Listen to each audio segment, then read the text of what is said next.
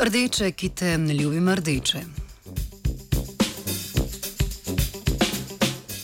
Nova kontroverzna študija, objavljena na začetku oktobra v reviji Annals of Internal Medicine, odraslim osebam ne odsvetuje, ampak celo predlaga nadaljne uživanje rdečega in predelanega mesa. Nove smernice, ki drzno zavračajo dosedanja priporočila, bazirajo na preučevanju petih preglednih študij, ki so bile prav tako objavljene v isti izdaji preomenjene revije. No, štiri od petih preglednih študij so raziskovali različne področje, od smrtnosti, incidence, rakavih obolenj in kardiometabolnih izvidov v povezavi z uživanjem rdečega in predelanega mesa oziroma mesnih izdelkov. Ena izmed njih pa je pregledovala in ocenjevala odnos ljudi do mesa in pa njihov odpor do spreminjanja oziroma nespreminjanja prehranskih navad. Ta metaanaliza je prišla do zaključkov, da so vse jeci v veliki večini zelo navezani na uživanje mesa in ne želijo spremeniti svoje prehrane prehrane, to pa velja tudi v primerih, ko so soočeni s potencialnimi grožnjami za zdravje, ki jih lahko povzroči prekomerno uživanje mesa.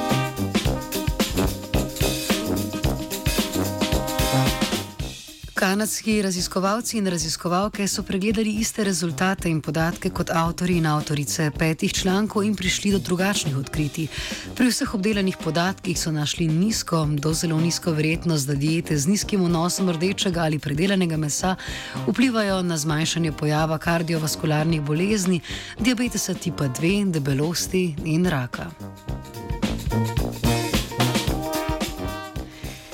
Smernice zdravega prehranjevanja ZDA priporočajo uživanje rdečega ali predelanega mesa enkrat tedensko, prehranske smernice v Veliki Britaniji pa priporočajo 70 gramov takšnega mesa na dan. Svetovna zdravstvena organizacija navaja, da je uživanje rdečega in predelanega mesa zaradi različnih dodatkov verjetno kancerogeno. Slovenska priporočila zdravega prehranjevanja vključujejo uživanje rdečega mesa največ dva do trikrat tedensko. Thank you.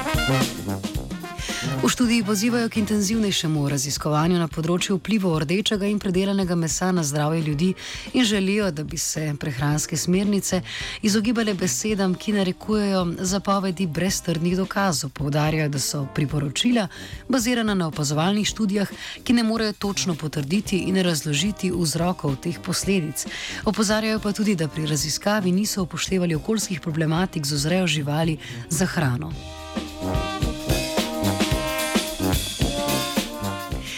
Njihovo končno priporočilo uživanja rdečega in predelanega mesa je skoraj 70 gramov na dan oziroma tri porcije na teden skupaj z uravnoteženo in zdravo prehrano, ki vključuje veliko sadja, zelenjave, polnozrnatih žit in rib. Brezmesni ali mesni ponedeljek se po vaši izbiri vam želim Jana. Danes je bilo pretežno dozmerno občasno tudi mestoma. Zvečer bo deloma, ponekod možne spremembe. Napoved za jutri, še naprej bo.